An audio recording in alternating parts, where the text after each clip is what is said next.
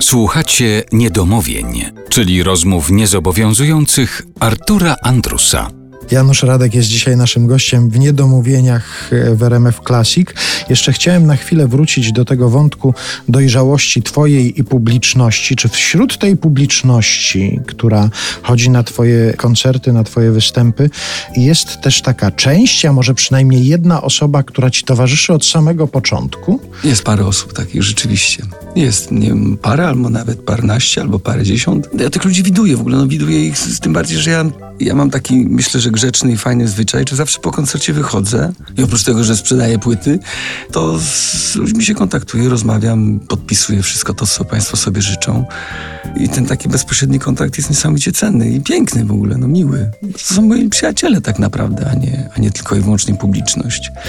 Ja zapytałem, czy są tacy, którzy Ci towarzyszą od początku, a teraz zastanowiłem się, czy możliwy jest do ustalenia ten początek? Czy jest coś takiego, co ty uważasz za swój początek na scenie?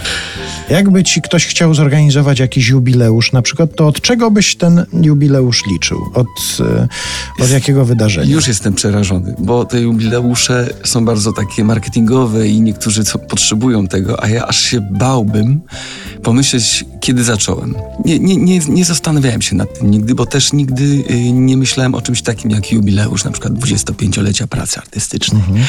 Wolę tego unikać. Ja cały czas widzę to, co jest przede mną i, i mam tyle chęci zaangażowania, bycia na scenie i, i, śpiewania. Śpiewanie jest czymś, bez czego to jest banał oczywiście, ale nie mogę żyć bez śpiewania. Świetnie się z tym czuję. Yy, nie mam czegoś takiego jak jakieś, nie wiem, wypalenie. Może są oczywiście chwile zwątpienia, ale te zwątpienia wynikają raczej z tego, że moje śpiewanie jest absorbujące. W dzisiejszym świecie jest taka moda na, na dotykanie tylko wszystkiego powierzchowne.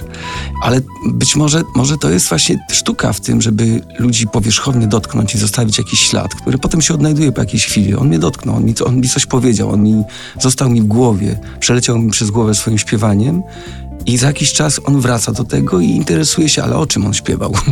ale co mi chciał powiedzieć? Ma jakiś, ma coś, co będzie naszym wspólnym stołem, jakimś wspólnym smakiem, wspólną wartością? I to jest chyba sztuka, więc jeżeli ja śpiewam intensywnie i lubię to i nie jestem w stanie się zamknąć w jednej oktawie i nie mogę tego zrobić. Nie, nie, nie czuję taki, nie, nie daję sobie takiego przyzwolenia. Być może niektórzy uważają, że to śpiewanie jest zbyt pompatyczne, zbyt y, ekspresyjne i nie nadające się do ducha dzisiejszego, dzisiejszej współczesności, jakiejś takiej właśnie powierzchownej, ale cały czas sądzę, że ludzie chcą się zachwycać kimś, kto jest trochę inny Przynajmniej na tej scenie, bo tak poza sceną jestem, jesteśmy wszyscy tacy sami.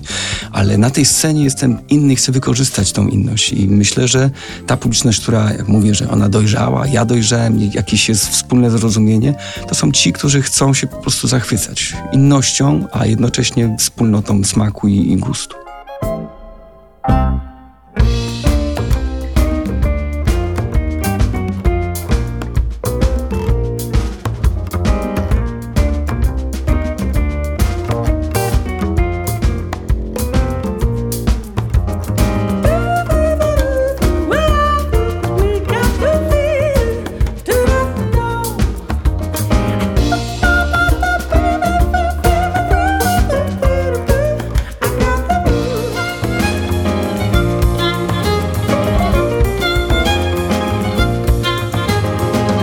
Jest żyłką słoneczną na ścianie.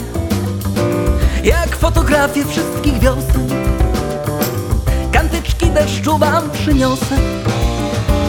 Wyblakłe nutki w nieba dzwon Jak wody wiatrem oddychanie. Tańczą panowie niewidzialni na moście w Avignon zielone staroświeckie granie Jak anemiczne pąki ciszy.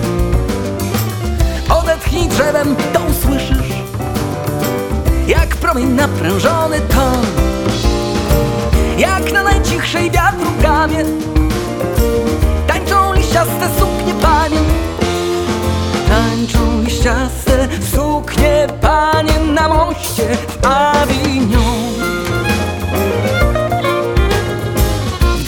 zielonych w okien ramię. Przez widma miast srebrzysty gotyk. Wirują ptaki płowo złote Jak lutnie, co uciekły z rąk. W lasach zielonych białe łanie Uchodzą coraz cichszy taniec. Tańczą panowie, tańczą panie na moście. Tańczą panowie, Tańczą panie na moście. Tańczą panowie. Tańczą panie na moście. Tańczą panowie, tańczą panie na moście. Tańczą panowie